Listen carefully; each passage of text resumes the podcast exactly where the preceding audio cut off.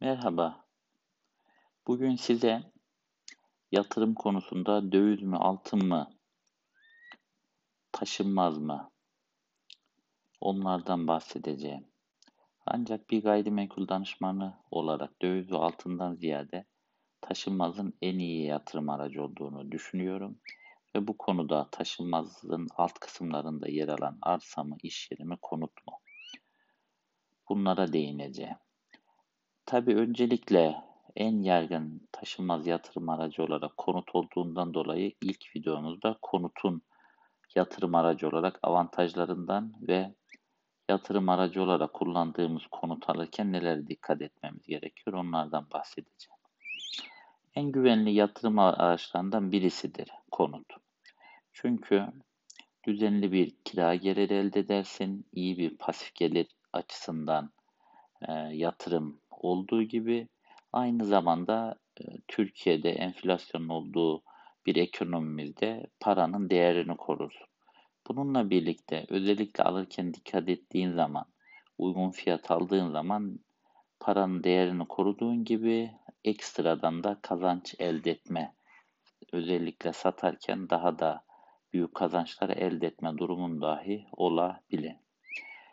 Diğer bir husus da gelir konusu. Baktığımız zaman aldığın aydan itibaren her ay düzenli olarak kira geliri elde edebiliyorsun.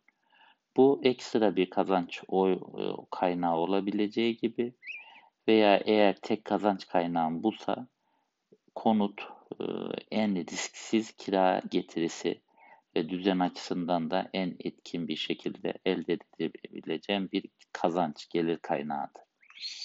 Diğer taraftan baktığımızda diğer taşınmazlara göre konut e, yatırım kaynağı olarak konut finansman açısından da en uygunu ve uzun vadeli olandır.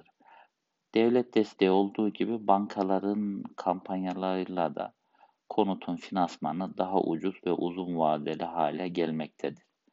Tabi diğer taraftan ihtiyacı olduğunda satılabilirliği de önem arz etmektedir konut özellikle gayrimenkul danışmanı ile çalışıyorsanız çok rahatlıkla 3 haftada satışı gerçekleştirilebilir. Diğer taraftan e, kiracı bulma açısından da konut Türkiye'de işte göçten dolayı yeni evlenenler, boşananlar olduğundan dolayı ve daha farklı alternatiflere geçme ihtiyacı olduğundan dolayı kiracı bulmak daha kolay olacaktır. Veri avantajları açısından da baktığımızda özellikle her ne kadar iş yerine göre vergi mülk sahibi tarafından ödenmiş olsa da kendine göre istisnaları çok fazla olduğundan dolayı ve gider olarak eğitimden sağlığa kadar yaptığın harcamaları e, değerlendirebileceğinden dolayı vergi açısından da indirim sağlayabilirsin. E, sigorta yaptırma maliyeti de düşüktür. Zorunlu e, deprem sigortası olan TASK özellikle 150 metre konutlarda 100-150 lira gibi yıllık maliyetiyle çok rahatlıkla sigorta yaptırabilirsin. Tabi barınma ihtiyacı en temel ihtiyacı olduğundan dolayı Maslow'un ihtiyaçlar hiyerarşi teorisinde de birinci sırada yer aldığından dolayı sürekli ihtiyaç vardır konuta ve bu doğrultuda da konut genel itibariyle boş kalmayacaktır.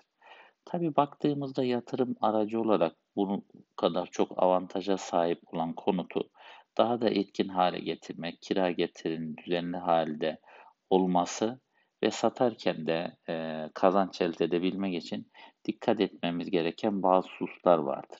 Özellikle lokasyona dikkat etmemiz gerekiyor e, ulaşım açısından eğitim kurumlarına yakınlığı, yine aynı şekilde alışverişe ve sosyal donatılara yakınlığı da önem arz etmekte. Çocuk parkı olması, spor alanı bulunması da site içerisinde yine avantaj sağlayacak bir husustur.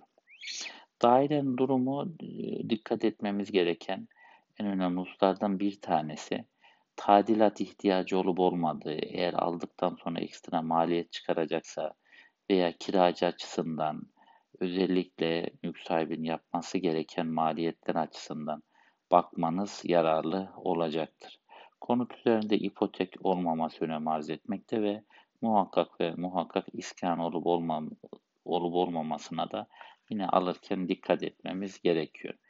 Bir de baktığımızda 4 artı 1, 3 artı 1 gibi büyük konutların masrafı daha çok olabilmekte. O yüzden yatırım amaçlı düşünüyorsak 1 artı 1, 2 artı 1 daha makul olacaktır ve kira getirisi açısından da eğer 1 artı 1 eşyalı olarak alırsak veya eşya koyarsak da kira getirisini yükseltmiş olabiliriz. Bir de kontrat yaparken dikkat etmemiz gerekiyor. Burada da özellikle gayrimenkul danışmanıyla çalışmanız hem alacağınız konutun daha iyi ve uygun almanız açısından hem de kiracı bulma açısından ve kiracıyı düzenli hale getirme, düzenli gelir elde etme açısından ve yıl içerisinde konutun boş kalmama, konutun boş kalma oranını düşürme açısından önem arz etmekte. Sağlam kontratın yapılması, depozitonun alınması, tahliye taahhütnamenin alınması da burada dikkat edilmesi gereken en önemli hususlardan bir tanesi. Evet bu podcast yayınımızda yatırım aracı olarak konutun avantajlarından bahsettik ve konut alırken dikkat edilmesi gereken hususlara değindik. Hoşçakalın.